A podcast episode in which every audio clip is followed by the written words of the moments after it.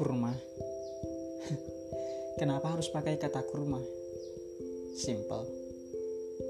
Kurma sangat erat kaitannya dengan Ramadan.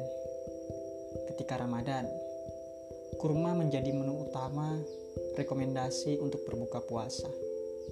Tapi kurma kali ini adalah akronim dari karya audio drama.